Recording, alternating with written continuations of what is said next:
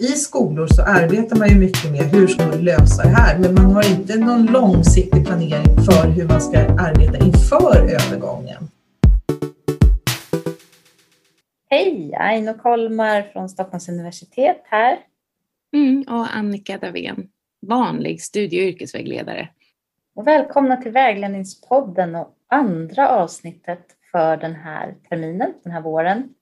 I det här avsnittet så har vi träffat min kollega faktiskt, Åsa Sundelin, som eh, är programansvarig för studievägledarprogrammet på Stockholms universitet, men också tillika forskare. Så vi har pratat om hennes pågående forskning. Det är ändå roligt det där hur man blir forskare och det här avsnittet börjar ju med att Åsa får berätta lite om det här hur man är praktiker och så ska man plötsligt bli teoretiker. Det där är en övergång tänker jag och det är kul att få höra hennes resa lite. Ja, men Åsa Sundelin är ju, som jag upplever en väldigt viktig faktor inom vägledningsfältet i, i Sverige. Mm. I och med att hon har funnits med så pass länge och just att hon kommer att berätta själv också om att hon har studievägledarbakgrund, mm. vilket är lite unikt. Och det ni kommer eh, höra idag är ju hur entusiastisk Åsa är för det hon eh, forskar om.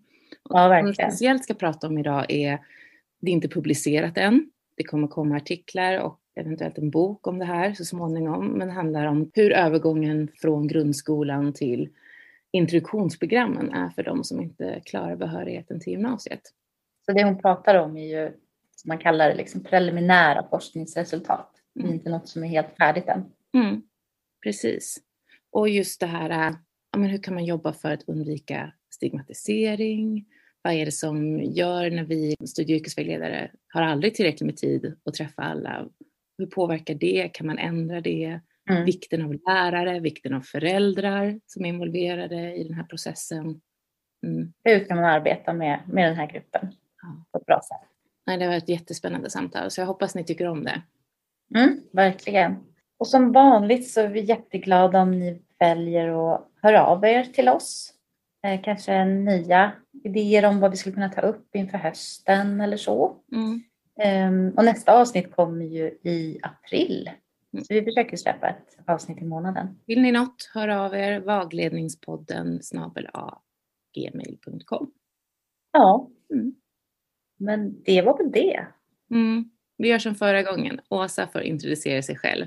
God lyssning. Ha det bra. Hej! Jag heter Åsa Sundelin. Jag arbetar på studie och yrkesvägledarprogrammet på Stockholms universitet eh, med utbildning och med forskning om studie och yrkesvägledningsfrågor sen en stund tillbaka, eller vad man ska kalla det för. Välkommen till Vägledningspodden. Tackar så mycket. Vi kan börja med, hur hamnade du som vägledare en gång i tiden, Åsa, i det här fältet? Oj, ska vi börja med den frågan också? Ja, det är spännande. Jag brukar säga, eller det beror på dag, men vissa dagar säger jag det, är, det var min, min mammas fel, eller ibland säger jag så här, det var tack vare min mamma. Typiskt föräldrar. ja, men precis, typiskt föräldrar. Också. Nej, men det, I grunden så var det att jag funderade över vad jag ville arbeta med och jag hade jobbat som lärarvikarie en del och trivts ganska bra med det. Och så funderade jag som många av våra studenter också gör. Ska jag bli lärare eller ska jag vilja bli socionom? För jag hade också ett, ganska, eller ett stort socialt engagemang också på olika sätt. Sådär. Och sen så var det min mamma som, som föreslog, Hör du, ska du inte bli syokonsulent som det hette på den tiden? Hon var lärare på högstadiet och så sa hon, det verkar vara ett ganska roligt jobb. Så, också. så började jag undersöka lite mer kring det. Varför tycker du att eh, studie och yrkesvägledning är ett roligt jobb idag?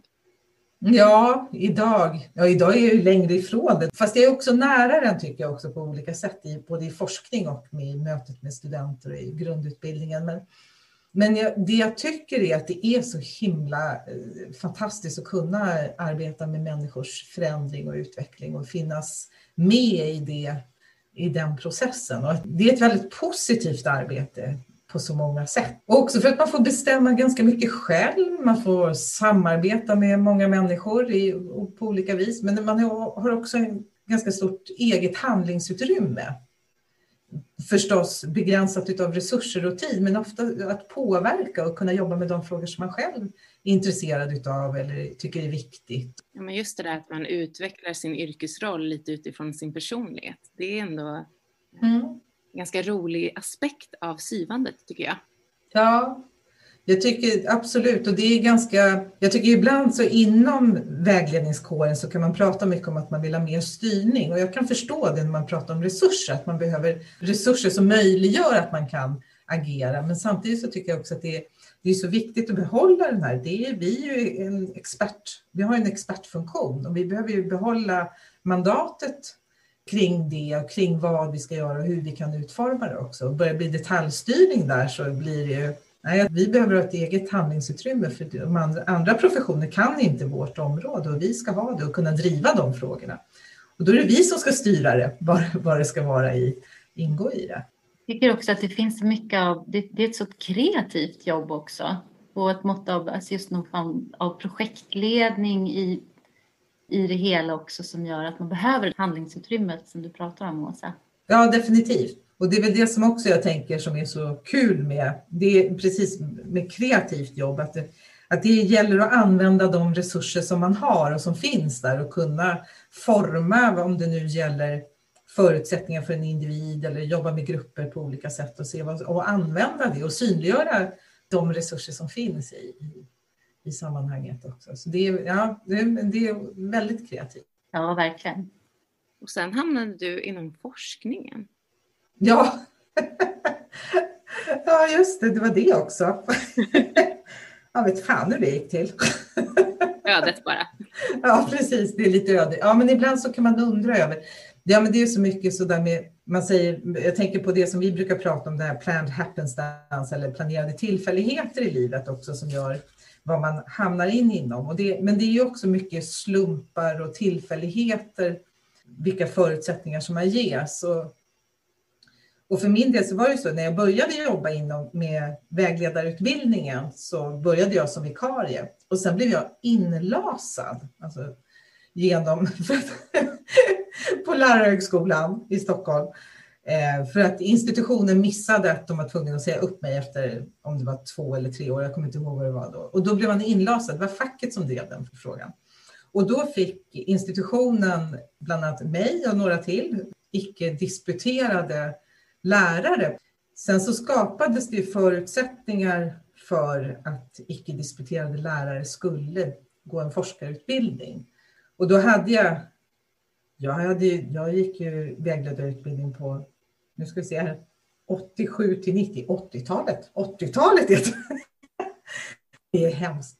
Eh, så det var ju ett tag sedan och då skrev man inte till exempel någon C-uppsats i den omfattning som man skrev en mindre uppsats. Så jag hade ju gjort sånt tidigare så att jag hade eh, skrivit en uppsats inom, inom ramen för mitt arbete. Tidigare. Men sen så då blev det möjligt att söka forskarutbildning och det var liksom den förväntan när jag arbetade med utbildningen att man skulle göra det. Så, och då fanns det ju, ja, då kunde jag gjort något slags val kanske, så att göra någonting annat istället. Men jag såg väl också, jag hade jobbat ganska länge som lärare, så jag tänkte att det här blir också en möjlighet för mig att pröva någonting annat i mitt arbetsliv och se vad det kan vara för någonting.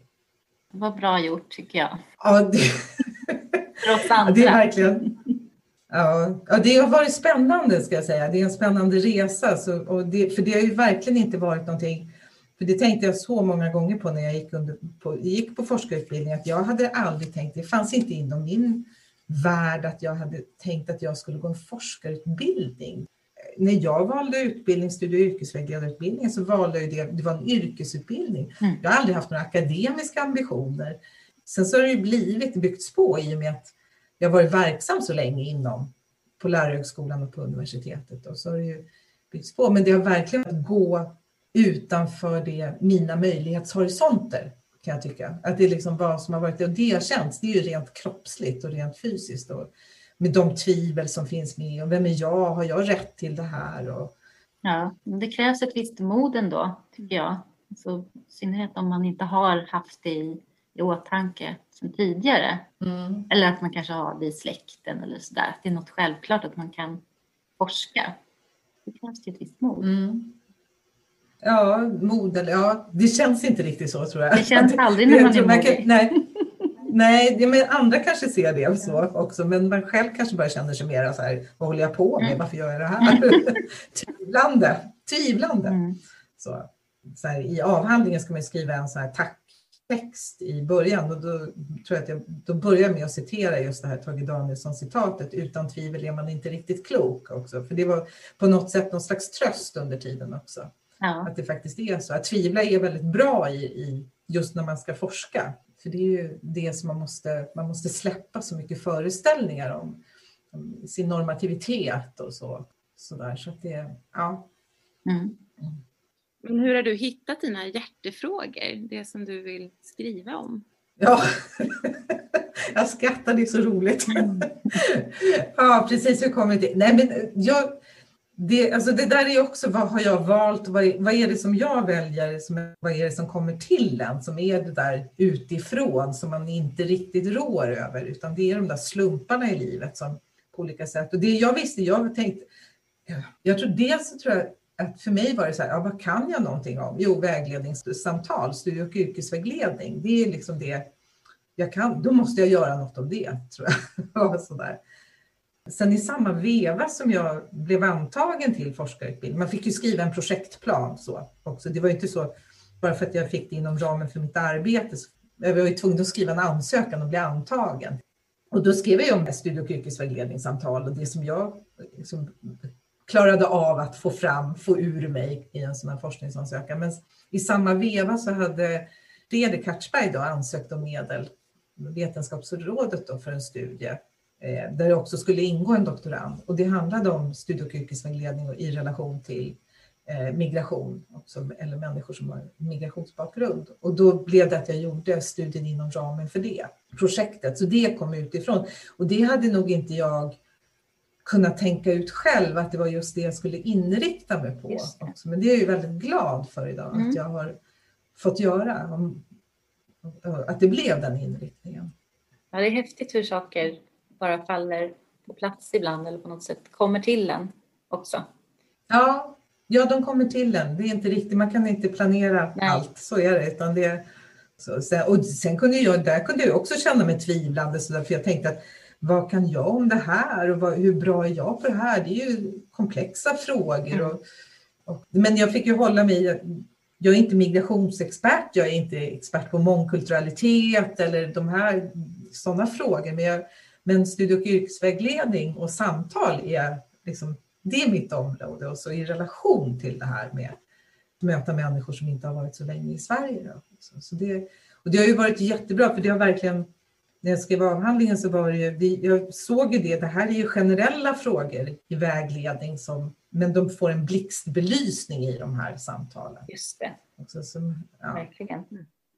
Och sen kom den ju, avhandling, ganska lägligt i och med 2015 och eh, den här flyktingvågen som kom, mm. så den blev ju väldigt aktuell. Ja, jag.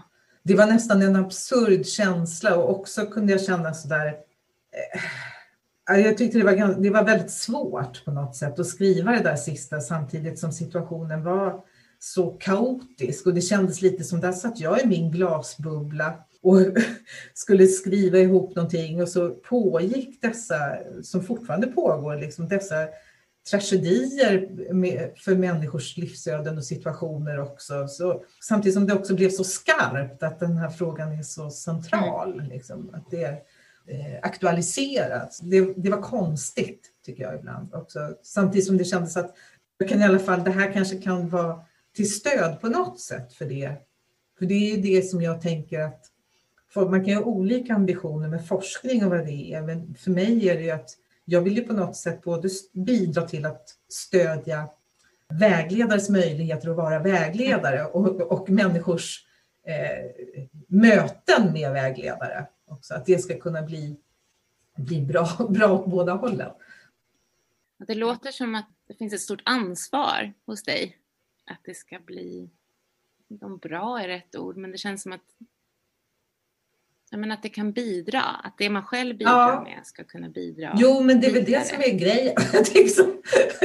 jo, men det tror jag. Och det var, det var nog lite grann det också som gjorde att jag började jobba med vägledarutbildningen. Så var det också det här att liksom, ja, men jag vill kunna sprida någonting. Man tyckte väl att jag hade lärt mig något någon gång sådär. Så kan man liksom vara med och bidra till, till det, då, någon, få någon större spridning. Och det tänker jag väl med forskning är ju olika forskare har olika ingångar i områden, vad man är intresserad av. Men jag är nog väldigt praktiknära. Så, så att jag tycker att det jag ska göra, jag, jag kanske är lite, jag är nog ganska pragmatisk på det sättet också. Och kanske lite, jämfört med andra kanske nyttoinriktad. Vilket gör att jag tycker att det kan, jag är inte så intresserad kanske alltid av teorier och teoretiska ingångar eller perspektiv, utan jag är intresserad av vad händer i praktiken och, och hur kan vi visa det. Ja. Kanske är för att det är en yrkesutbildning också, det finns ju på något sätt en, en koppling där. Ja, ja men det är det, precis. Det är, jag är intresserad av utbildningen och mm. liksom att vi ska kunna bidra till att skapa en... Och då tänker jag att om vi får pengar från staten för att bedriva forskning, ja men då, då kan vi göra det för att det ska bli liksom, komma praktiken till godo. Mm. Och så att det ska bli liksom användbart. Så det är ju liksom någon sån förhoppning, ambition. Den glömmer jag bort ibland, då undrar jag vad jag håller på med. Sådär, mm. men, men om jag får fatt i den känslan, eller den tanken och känslan så kan det bli lite lättare att förstå varför gör jag det här? För det kan kännas så. Jag vet ju att människor som står i praktiken och hanterar alla de här frågorna och finns, det är ju sånt otroligt komplext arbete. Ja. Det är ju så enormt många delar i det. Och det här blir ju, på ett sätt så är det här mycket enklare för man liksom står inte riktigt i det utan man tittar på verkligheten. Ja. Men, och då kan det kännas lite så här, vad gör jag här? Jag borde vara liksom på golvet, det här med att bidra. Jag kanske har någon sån, mm. att vilja vara delaktig också. Men då, ja, när jag får fatt i att det är det att jag, det kanske är det jag gör, då, att det liksom kan bli på riktigt. Ja, och ett, ett viktigt mm. bidrag. Någon ser hur, och talar om hur det ser ut utifrån. Ja, förhoppningsvis. Ja, men precis.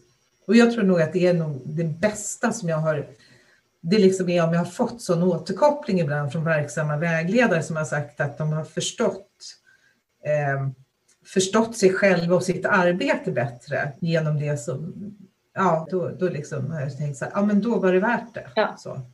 Vi, ehm, vi har ju hört att du eh, arbetar med ett forskningsprojekt nu. Vill du berätta lite mer om det? Mm.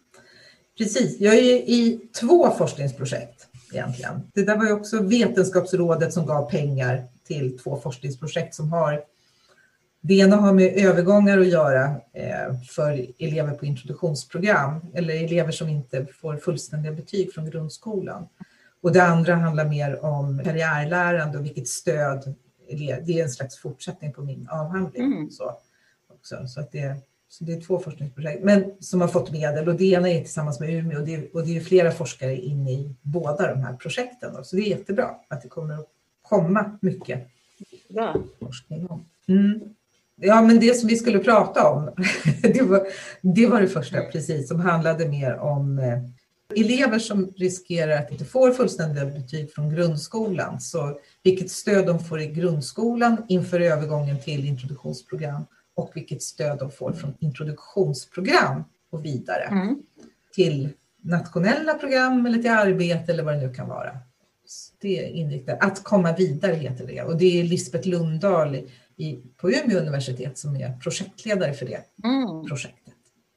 Mm. Så fokuset är på stödet? Ja, precis, inför övergången också. Och, mm.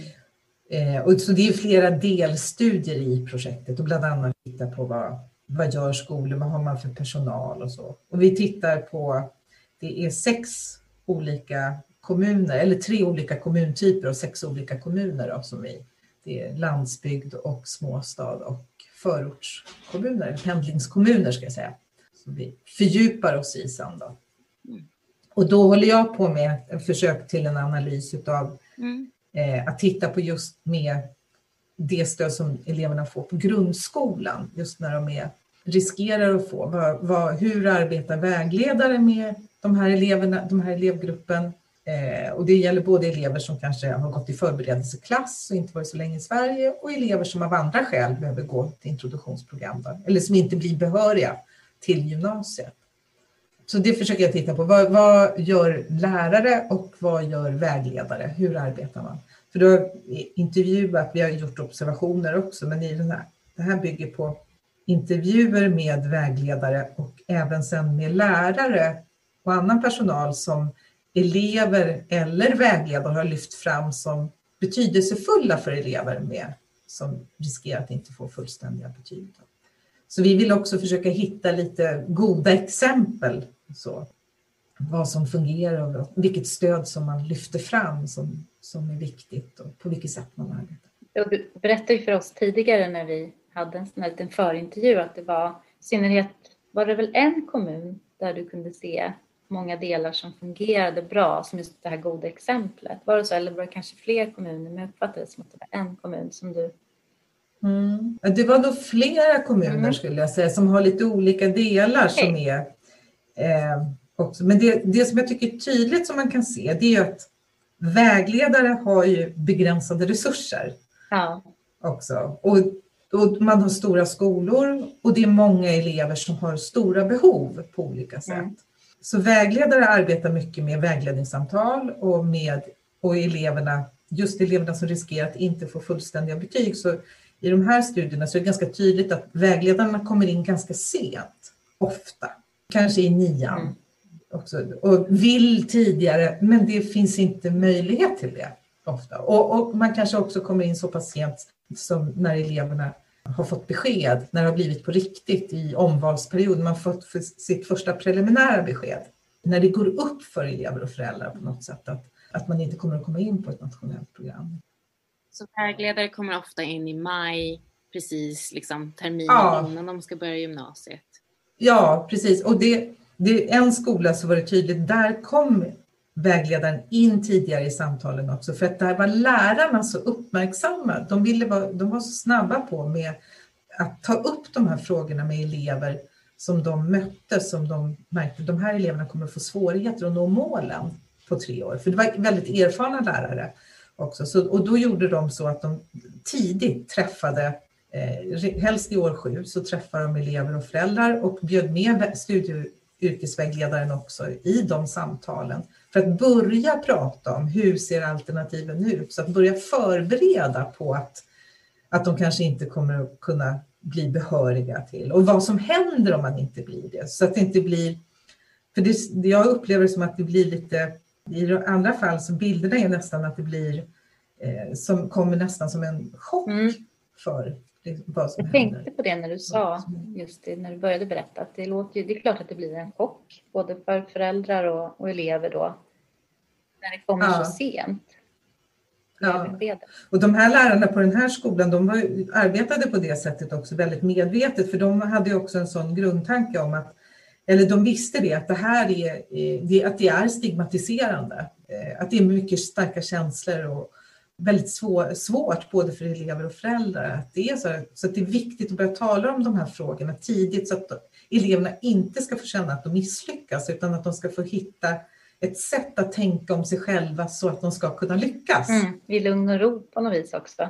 Så det... Ja, och att bygga och förstå att de kunskaper de får med sig, de förutsättningar de får med sig, kommer de ha användning av sen, även om de inte hinner bli behöriga. Mm. Och, så. och de hade ju också en erfarenhet av att ha jobbat i ett annat betygssystem och de sa att det blir så brutalt idag ja. för eleverna på ett sätt. Det blir så hårt och det, det, därför blir det så viktigt att börja tala med eleverna och tidigt och också tyckte var så, ja, man blir så här, jag blir nästan rörd när jag pratar om det, för de var också så otroligt uppmärksamma på hur de talar med eleverna. Mm.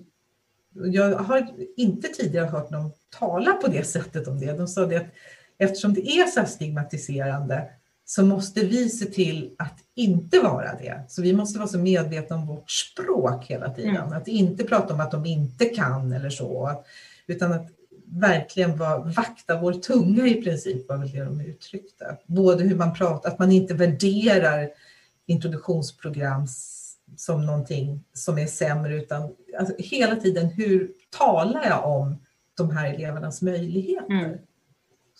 Nej, men jag tänkte att det låter ju som att det här långsiktiga tänket och deras eh, långa erfarenhet som lärare och just den här fingertoppskänsligheten, empatiska förmåga också, låter det som. En slags nyckelfaktorer. Ja, ja. ja, verkligen. De hade en förståelse för elevernas och föräldrarnas situation. Just det. och agerade utifrån det. Precis, och då arbetade de långsiktigt mm. och väldigt empatiskt ja. skulle jag säga. Också. Och väldigt eh, vad ska man säga, grund, seriöst, alltså professionellt. Professionellt, just det. Ja, professionellt och medmänskligt. Ja.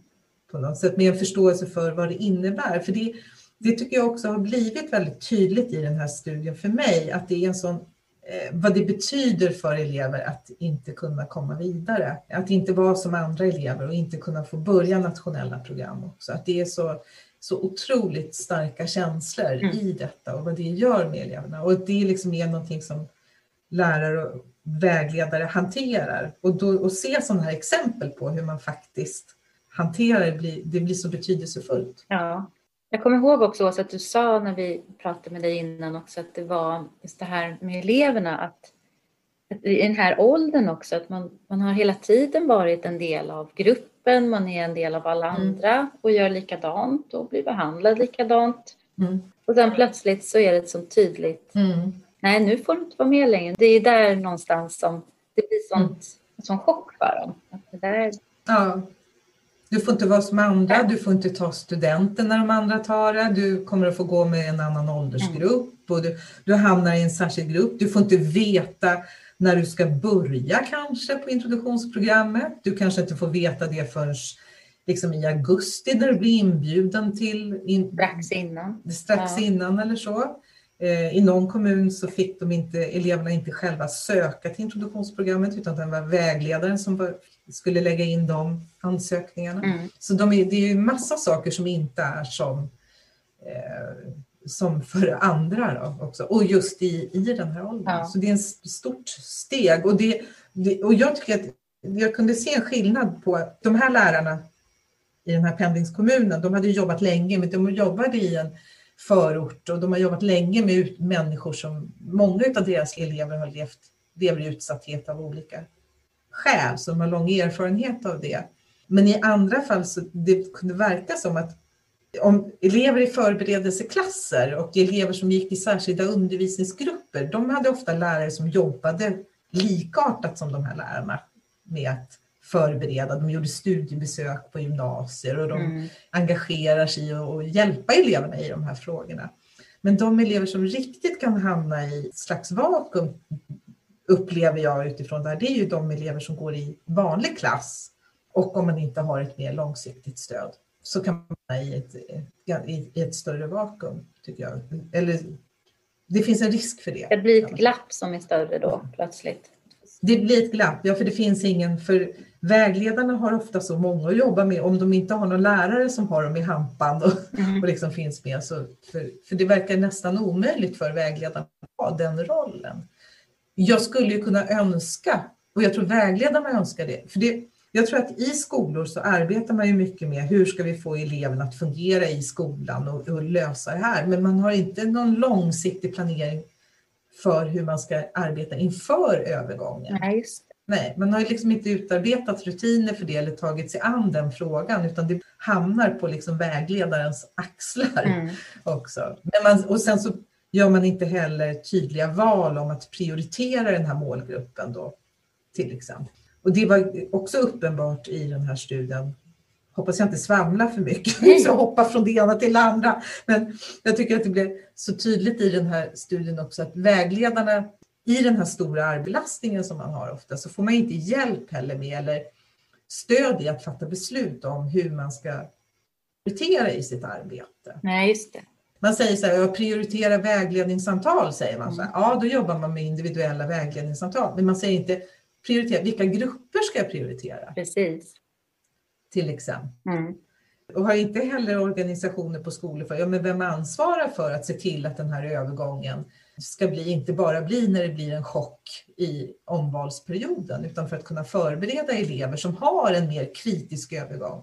Så jag kallar det här för en kritisk övergång. Ja, jag tycker att den är det. För man vet också att elever som går över till introduktionsprogram och, och övergång där man får större utmaningar fram, framöver också. Då. Mm. Så det...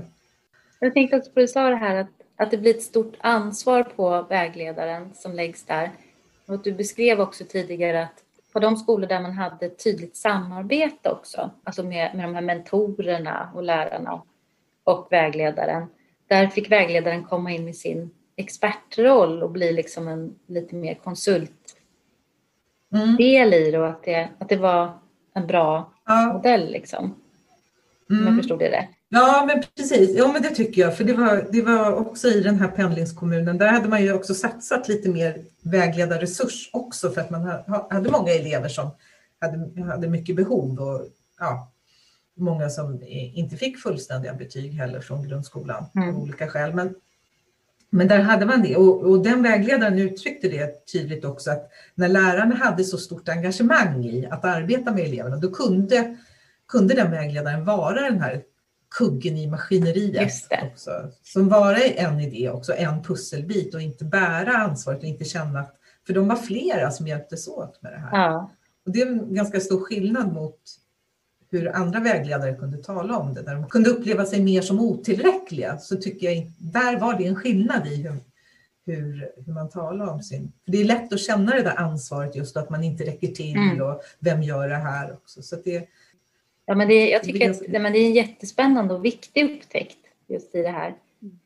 Som ja, i det här forskningsprojektet. Men vi kanske ska säga det Åsa, det här, att det här är ju preliminära forskningsresultat. Du håller på att titta på det just nu, eller hur? Det är ju så, ja, ja, så att ni vet det, Ja. ni som lyssnar. ja, precis. Jag håller på att titta på att få ihop det här så att Ja. jag ska få ihop det till någon.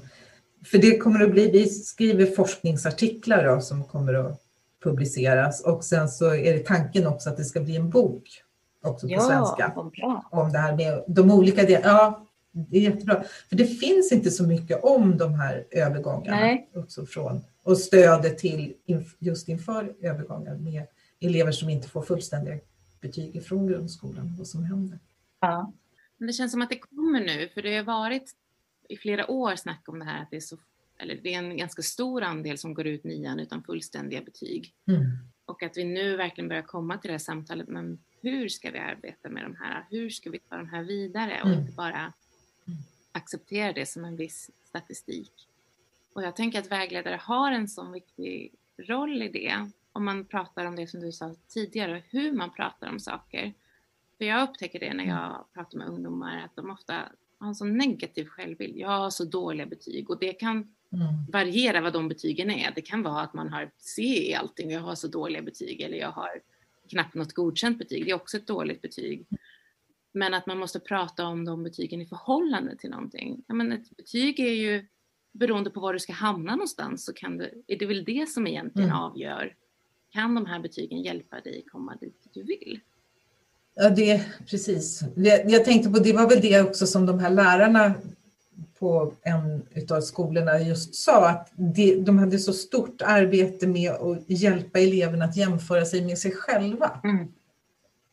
Hela tiden. Att det, är liksom, att det är det de måste göra så att de inte, så att de inte går ner i det och, och känner sig sämre Just för det. det. Eftersom det här med att jämföra, att det blir ett sånt stort eh, arbete.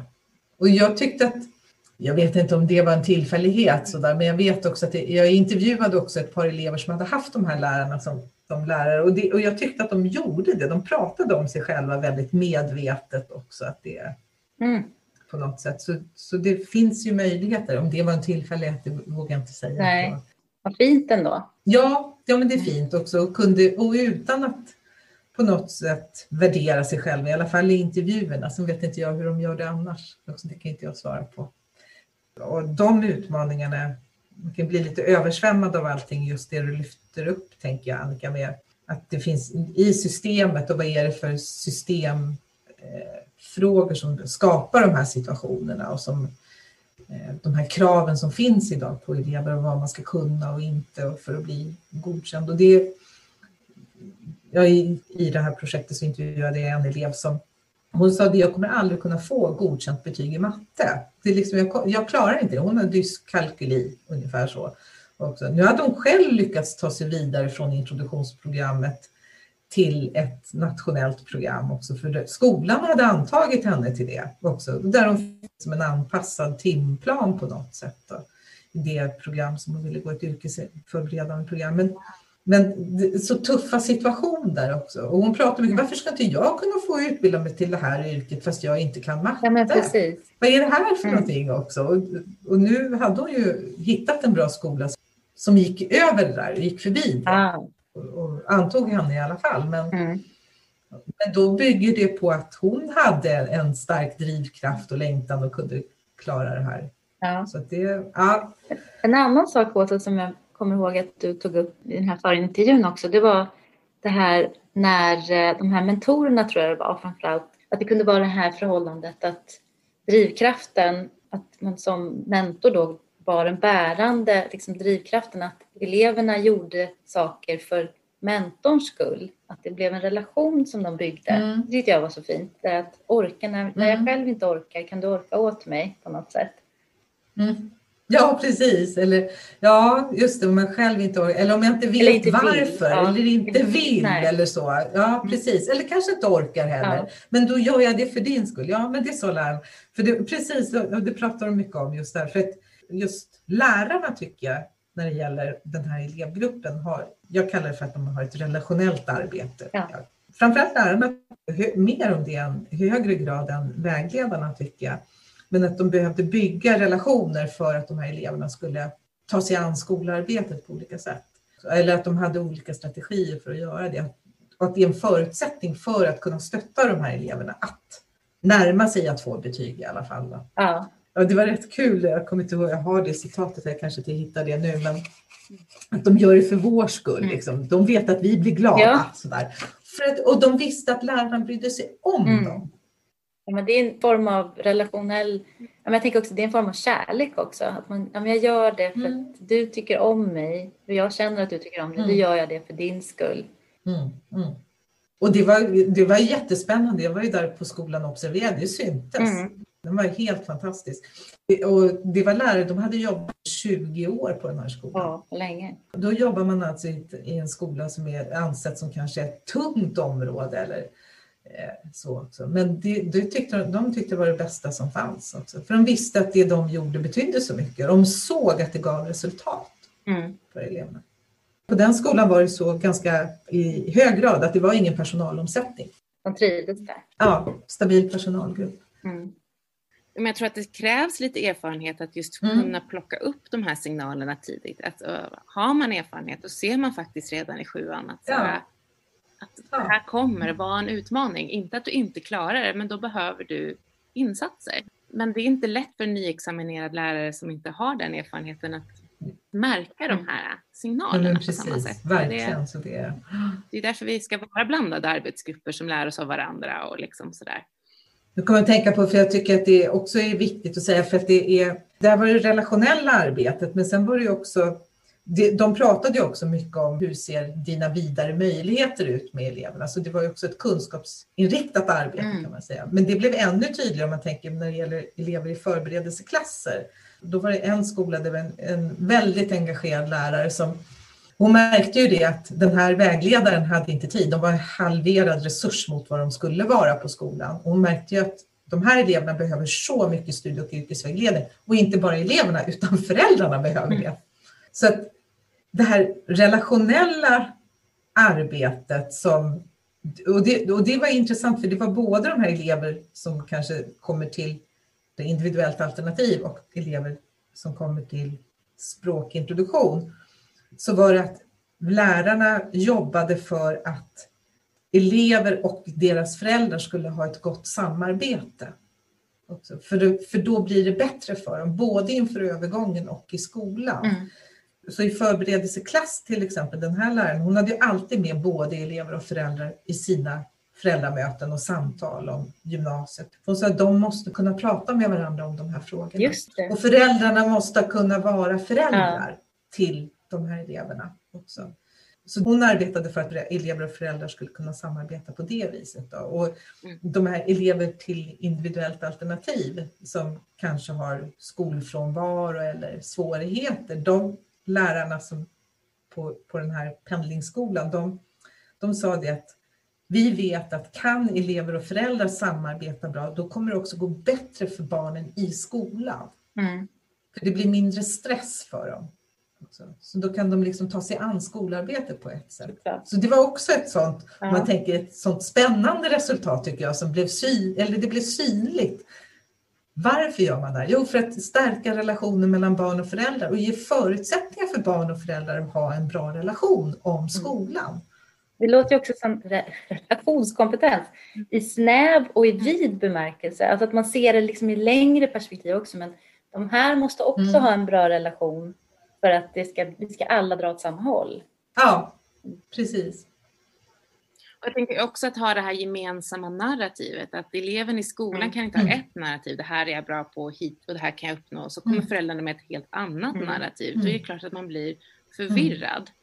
Men har vi ett samarbete och en gemensam ja. berättelse? Det de pratade om också var att skapa trygghet både för, för föräldrarna i hög grad. För föräldrar blir jätteoroliga förstås Klart. också. Mm. Så att skapa trygghet för föräldrarna i, ja, och där kunde ju vägledaren ha en väldigt viktig roll också för att kunna bidra med det och kunna göra det. Mm.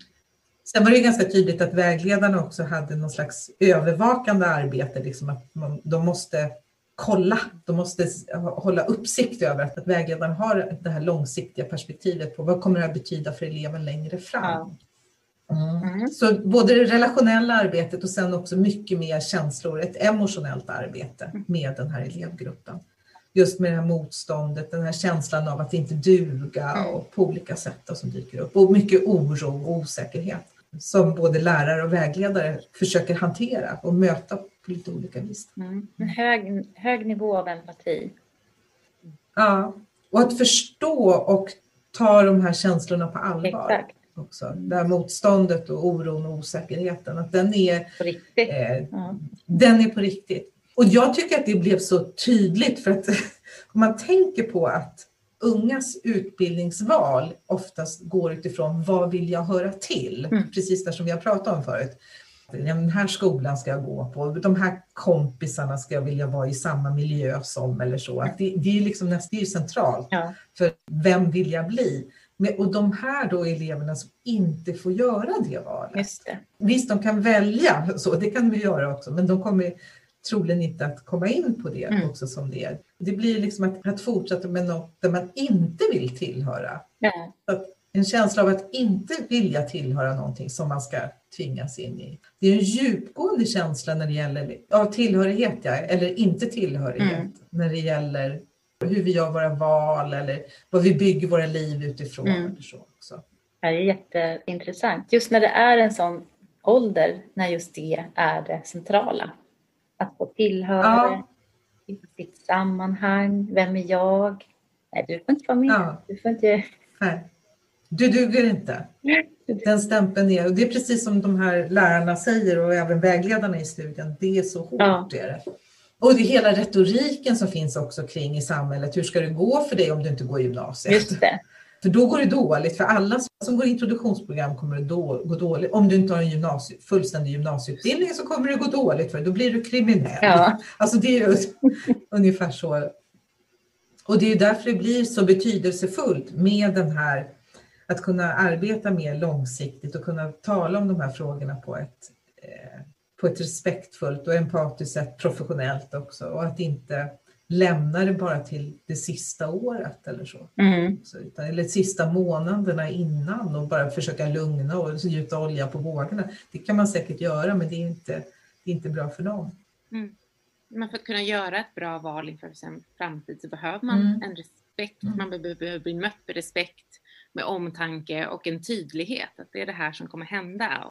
Ja, ja men precis och finnas med på den vägen också att låta människor forma, att faktiskt kunna få påverka på något sätt och ta lite makt över den situation som blir. Och det blev skillnad, jag tänker att det var också en skillnad i på, i en kommun, i en landsbygdskommun, där hade man väldigt nära samarbete mellan grund och gymnasieskola som gjorde att eleverna kunde få pröva på och de kunde få liksom, se där. Det fanns motstånd ändå, liksom, man ville inte gå introduktionsprogram i alla fall.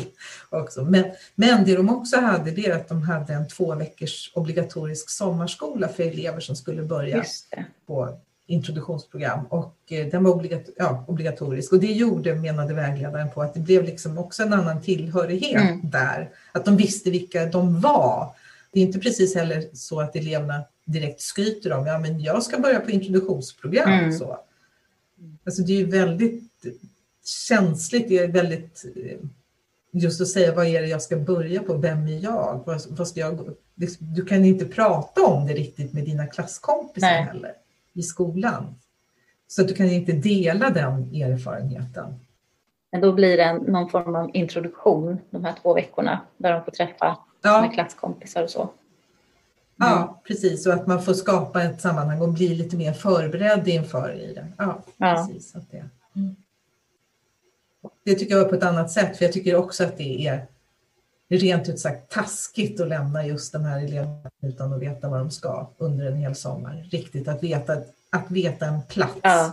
faktiskt i alla fall. Så. Ja, det är riktigt ojämlikt. Ja, det är det. Det är ju nästan att begå övergrepp Ja. faktiskt mot människor. Mm. Ja, det, är bara, det kan man lätt föreställa sig. Precis, och jag, men jag vill betona, jag känner, det måste jag få Ja. betona. att, när jag säger det kan låta som, jag hoppas att det inte framgår att jag tycker att vägledare gör ett dåligt jobb i den här studien, utan de gör ett arbete utifrån de förutsättningar som är, skulle jag absolut vilja säga. Det är jätteviktigt och det blir väldigt tydligt att förutsättningarna är ofta eh, att den här elevgruppen får, skulle behöva mycket mer. Ja, Och att de, blir liksom, de hamnar i kläm mellan allas behov av vägledning och de här eh, begränsade resurser och de här elevernas behov. stora behov. Ja. Mm. Ja, men det, det tycker jag att, att du lyfte i början också tydligt. Så att det Ja. förstår vi. Det är tydligt. Verkligen. Mm. Vad bra! Jag tänkte fundera på om vi kanske ska börja runda av. Tror ni? Är det någonting mer som, något som du tänker på Annika? Eller? Nej, jag tycker bara det är fantastiskt det Mm. här som du lyfter. Att, men, men med rätt förutsättningar så kan man verkligen komma Ja. långt och komma vidare. Så. Inte handlar om den här bristen utan bara också lite som du pratar om prioriteringar.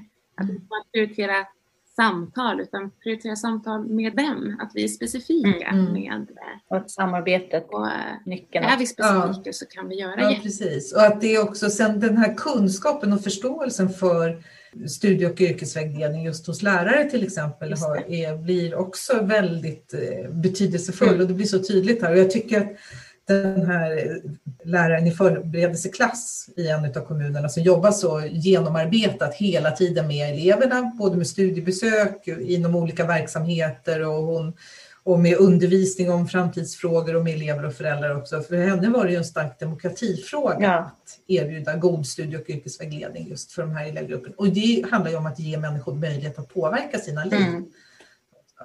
Och, det, och hon sa att det blir så tydligt, så hon, och, och hon hade börjat engagera sig och det var rätt roligt. Det tycker jag var lite kul. Mm. För att de här lärarna som engagerade sig mer, det var ju de som hade förståelse för studie och yrkesvägledningens betydelse för de här eleverna. Ah, Samtidigt som det fanns begränsade resurser, så de liksom kompenserade lite. De sa, vi vet att de vill, men det går inte. Nej. Det finns inte tid. Liksom. Men då får vi göra det här.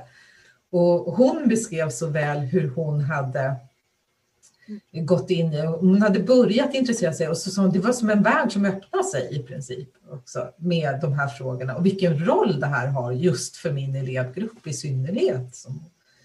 Ja, jättespännande. Stort lycka till nu Åsa, med artikelskrivandet och ja, det var det. resultaten. Ja, det var det också. Vi ser mycket fram emot den här boken sen också som vi hoppas på kommer. Mm. Jag tycker att jag hör, det håller du säkert med om också Annika, att det här är superviktig forskning. Ja, det är roligt om det kan vara det. det, det ja. Ja, men det är bra att få prata om det också. Det, känns, det tycker jag är roligt om det kan... Eller det är en pusselbit i att förstå vad är det som händer i verksamheter och varför händer det som händer. Ja. Och vill vi, vad vill vi ska hända? Ja, och hur har man gjort på ställen där det fungerar bra? Liksom. Ja, Mm. precis.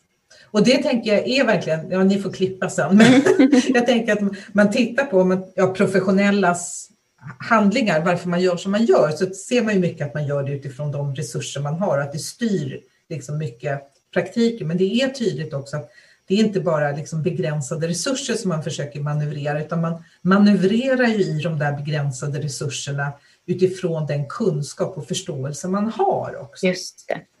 Mm. Så det är liksom inte hur som helst, utan har man kunskap och förståelse då kan man prioritera Ja. på olika sätt Mm. Det tror jag i också. sitt arbete. Det är en jätteviktig faktor. Ja, den är avgörande Mm. skulle jag säga att det är. Mm. Ja, tack så jättemycket. Åsa. Och vi, vi hoppas ju att, att, det här, att vi kommer ha eh, möjlighet att återkomma till och få prata med dig kring någonting mer. Tack för era engagerande frågor. Ja. Det är liksom, om jag blir entusiastisk, det är väl för att ni lyssnar så bra helt enkelt. Ja. De som lyssnar på det här skulle se er samtidigt hur ni sitter här och ser. Ni är engagerade.